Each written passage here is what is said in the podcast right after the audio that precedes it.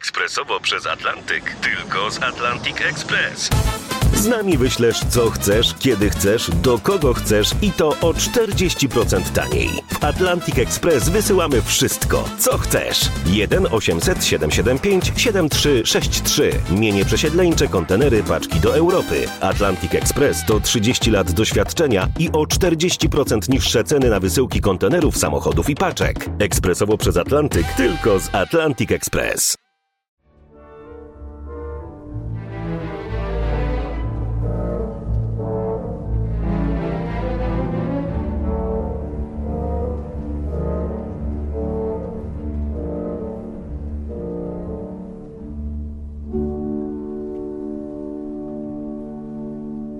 Aleksander Borodin i z kniazia Igora tańce połowieckie, zacytowane w rokowej suicie Krywań przez Andrzeja Zielińskiego, pianistę, kompozytora, lidera grupy Skaldowie, którzy dziś u nas w bliskich spotkaniach RMF Classic. Skaldowie pod dowództwem Andrzeja Zielińskiego byli mistrzami big beatowej sceny, rockowej sceny muzycznej w Polsce. Proponowali od początku muzyczne pejzaże, klimaty, bardziej złożone formy pieśni niż tylko zwrotka, refren.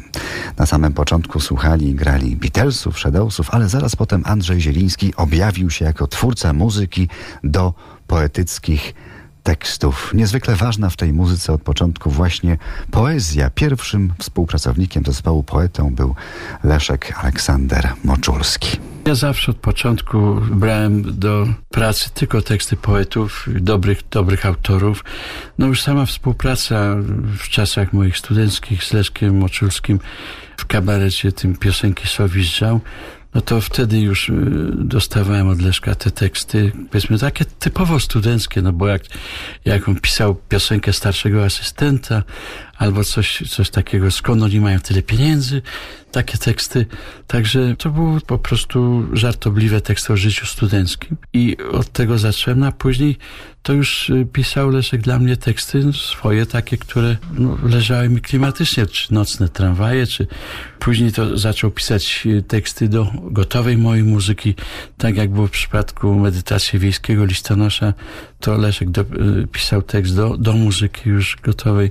No ale te pierwsze giełdy piosenki tu w Krakowie, które wygraliśmy jako wykonawcy, no jako zespół, to był nasz debiut w 65 roku jesienią w klubie Plastyka na Łobrzowskiej, gdzie właśnie wykonaliśmy między innymi moją czarownicę, to, to jest moja piosenka tekstu dymnego.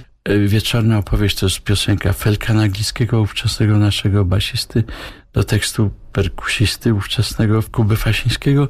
No i Jarmark, też moja piosenka z, z tekstem Moczulskiego, która zajęła piąte No pierwsze zajęła moja czarownica, no bo była, ta piosenka była czymś nowym, na, jeśli chodzi o branżę, bo te piosenki ówczesne w Krakowie były takie bar, bardzo literackie, bardzo jakieś takie, jakby powiedzieć, pisane na głos z fortepianem. Natomiast tu wychodzi zespół i gra jakąś aranżację nietypową jak na tamte czasy.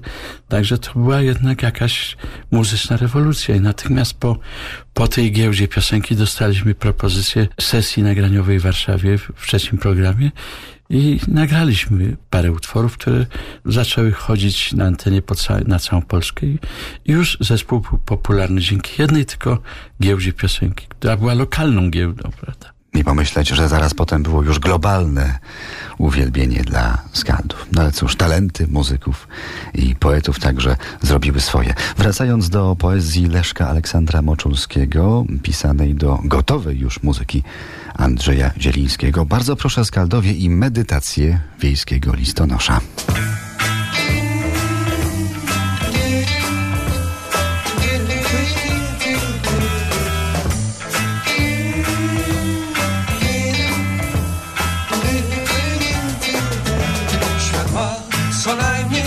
tysiąc wiosek i miast.